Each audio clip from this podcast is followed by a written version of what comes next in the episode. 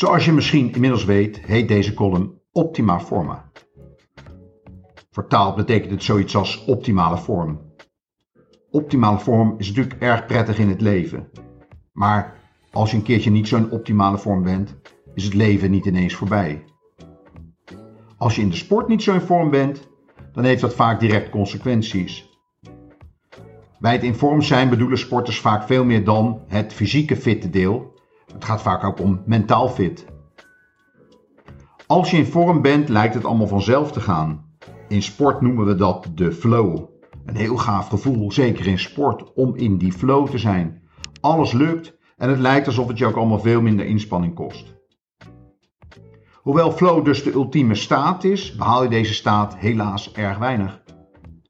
Dat betekent dat je ook andere registers moet opentrekken. Vechten, strijden. Voormalig toptennisser Andre Agassi beschreef het zo mooi. Winning ugly. Vaak komt het uit je tenen. Vaak is het pure lelijkheid.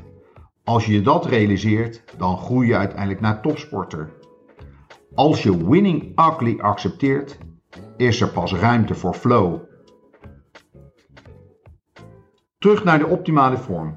Sinds ik me ooit ben gaan verdiepen in het menselijk houdings- en bewegingsapparaat, werd ik direct geconfronteerd met die stelling vorm-functie, functie en vorm. Kun je nu door een bepaalde vorm een bepaalde functie wel of niet, of bepaalt de functie uiteindelijk de vorm? Het vorm- en functiedenken is oud, gaat ver terug. Zo ver terug dat we bij de oude Grieken aankomen. Een 17-jarige jonge Griekse man werd door een oudere krijgsheer uitgedraagd voor een duel om positie te bepalen. Op zijn achttiende zou het duel plaatsvinden.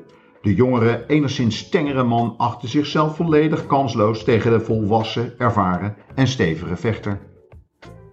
Als je vanuit vorm denkt, ben je natuurlijk ook kansloos. Maar de jonge Griek dacht na. Hij nam een jong kalf op zijn schouder en liep een rondje door de arena.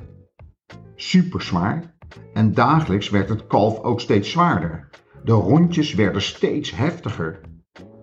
Uiteindelijk veranderde iets. Na zo'n drie maanden veranderde de jonge man van vorm. Hij ontwikkelde meer spierweefsel.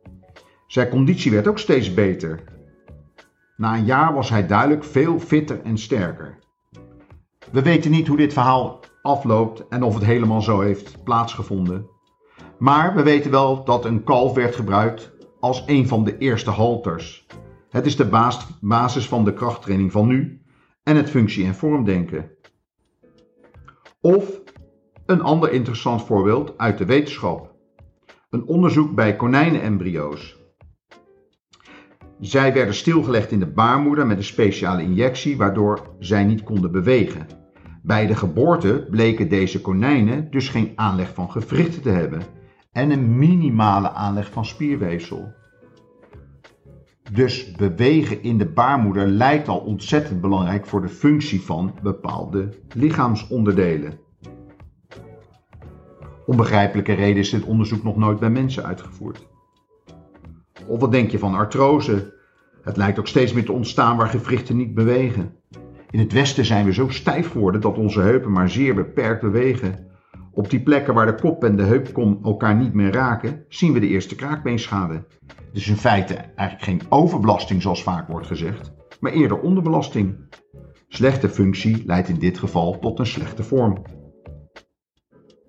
Natuurlijk biedt je basisvorm zoals lengte, gewicht en dergelijke je bepaalde mogelijkheden en vooral ook heel veel onmogelijkheden. Maar met de juiste functie en het steeds weer herhalen van de juiste functie kun je je vorm enorm aanpassen. Zowel fysiek als mentaal. Maar je hoort het al. Je moet je basisvorm kennen. Je moet steeds dezelfde functies op een goede manier herhalen. Het is maatwerk en dat vraagt kennis en inzet van trainers, coaches en vooral van jezelf. Het is heel hard werken, heel veel winning ugly momenten doormaken en nog meer teleurstelling verwerken om jouw optima forma status ooit te bereiken. Waarom? Om de ultieme beloning te behalen. De flow meemaken. Een status waarin alles vanzelf gaat. Alsof je vliegt zonder weerstand.